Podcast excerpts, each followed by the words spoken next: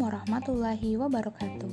Jumat 25 Juni 2021 Ini hari ke-10 saya mengikuti kelas pelatihan online Latsar CPNS PPPT 2021 Seperti biasa diawali dengan melakukan apel pagi dengan laporan kepada pengajar. Hanya saja hari ini eh, apel paginya diundur dimulai pada pukul setengah 9 pagi. Lalu dilanjutkan dengan mengikuti pembelajaran sinkronus pada pukul 1 lewat 15 siang.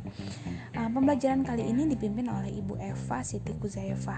Kita membahas tentang tugas asinkronus di hari sebelumnya yaitu tentang benchmarking nilai-nilai. Nah, dari masing-masing peserta diberi tugas untuk membuat benchmarking nilai-nilai terhadap perusahaan yang sudah mereka pilih.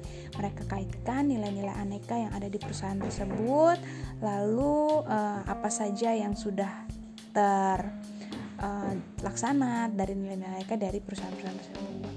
Nah, di sini nih yang uh, uniknya karena lagi-lagi Bu Eva menggunakan sistem pengundian untuk menentukan siapa yang harus mengomentari uh, hasil dari presentasi yang sudah dilakukan oleh uh, peserta sebelumnya gitu. Jadi mau nggak mau, masing-masing dari kita ini harus selalu siap memperhatikan dari awal sampai akhir si presentator melakukan presentasi supaya kita bisa memberikan komentar atau memberikan pertanyaan terkait hasil presentasinya gitu.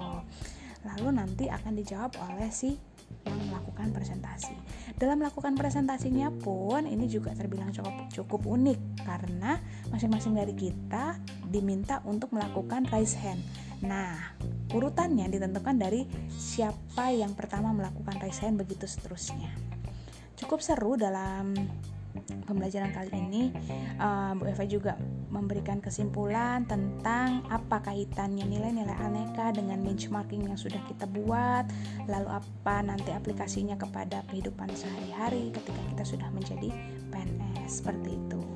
Uh, sekian dari saya kurang lebihnya mohon maaf. Terima kasih. Wassalamualaikum warahmatullahi wabarakatuh. Saya Widya Sri Elanur Fitria dari peserta Latsar Angkatan 6 kelompok A